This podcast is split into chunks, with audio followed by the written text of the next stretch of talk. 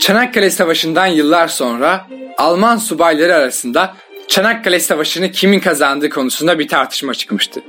Tartışma konusu Çanakkale Savaşı'nı Türkler mi kazanmıştı, Almanlar mı? Subayların çoğu bu savaşı Almanya ve Osmanlı Devleti adına yöneten Alman komutan Limon von Sanders'in kazandığını ileri sürmekteydi. Ama bu tezi yeterince inandırıcı bulmayan Alman subaylar da vardı. İki tarafta kendi tezlerini ne kadar iyi savunursa savunsun karşı tarafı ikna edemiyorlardı. Sonunda subaylardan birinin aklına Limon von Sanders geldi. Arkadaşlar dedi. Hiçbirimiz bu savaşta değildik. Tam gerçeği bilmiyoruz. Yazılanlara, anlatılanlara göre görüşlerimizi savunuyoruz. Oysa savaşı yöneten Limon von Sanders hayatta. Gidip ona soralım. Taraflar hemen kabul etti bu fikri. Randevu alınıp Limon von Sanders'in odasına toplanıldı. Yaşlı general onları karşısına oturttuktan sonra ''Evet, benden ne istiyorsunuz?'' diye sordu. Görüşme fikrini öneren subay Limon von Sanders'i saygıyla selamladıktan sonra ''Generalim'' dedi. Biz subaylar bir süredir kendi aramızda bir konuyu tartışıyoruz. Bir anlaşmaya varamadık. Bunu en iyi sizin bilebileceğinizi düşünerek size sormak istedik. Peki konu nedir? Anlaşamadığımız konu dedi subay. Çanakkale Savaşı'nı Almanlar mı kazandı yoksa Türkler mi? Limon von Sanders kısa bir an dalgınlaştıktan sonra gençler dedi. Şimdi ben size Türkler kazandı ya da Almanlar kazandı desem tam açıklayıcı olmaz. Ben olayı anlatayım, siz ona göre kararınızı verin. Karşısında saygıyla dizilmiş duran Alman subaylarına şunları anlattı. Çanakkale Savaşı inanılmaz zor bir döneme girmişti. Gökten yağmur gibi bombalar, mermiler yağıyordu. Savaşın gidişi bizi iyice bunaltmış ve sıkıştırmıştı. Artık daha fazla bir şey yapabileceğimizi düşünmüyordum. Tüm askeri kuvvetlere geri çekil emrini verecektim. Bu bizi yenilgiye götürecek ilk adımdı. 7-8 saat geçmeden çadırın kapısı açıldı ve genç bir subay hızla içeriye girdi. Doğrusu şaşırmıştım. Bir generalin bulunduğu yere kimse izinsiz giremezdi.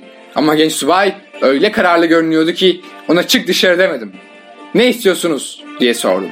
Genç subay, generalim ben bu topraklarda yetiştim. Bu topraklar benim vatanım. Böyle su gibi harcanmamalı dedi. Peki yapacak bir şey var mı diye sordum. Bana ne cevap verdi biliyor musunuz? Sizin yerinize geçmek istiyorum dedi. İlk anda çok gülünç gelen bu isteğine çok gelmez mi diye cevap verdim. O bütün kararlılığıyla az bile gelir dedi. Bir an düşündüm. Zaten yapacak pek bir şey kalmamıştı. Komuta bende ya da bu genç Türk subayında olmuş. Değişen bir şey olmayacaktı. Savaşı kaybedecektik. Peki dedim.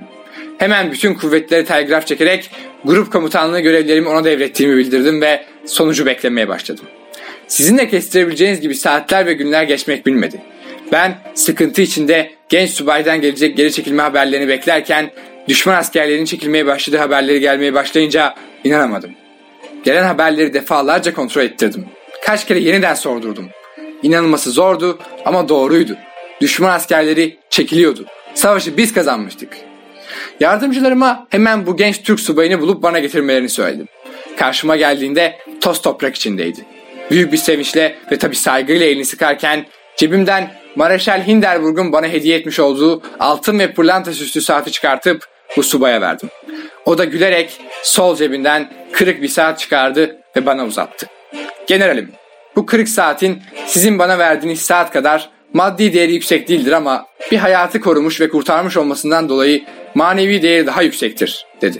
İşte gençler, yıllar önce grup komutanlığı görevlerimi kendisine devrettiğim bu subay, şimdi Türkiye Cumhuriyeti'nin başındaki Cumhurbaşkanı Mustafa Kemal Atatürk'tür.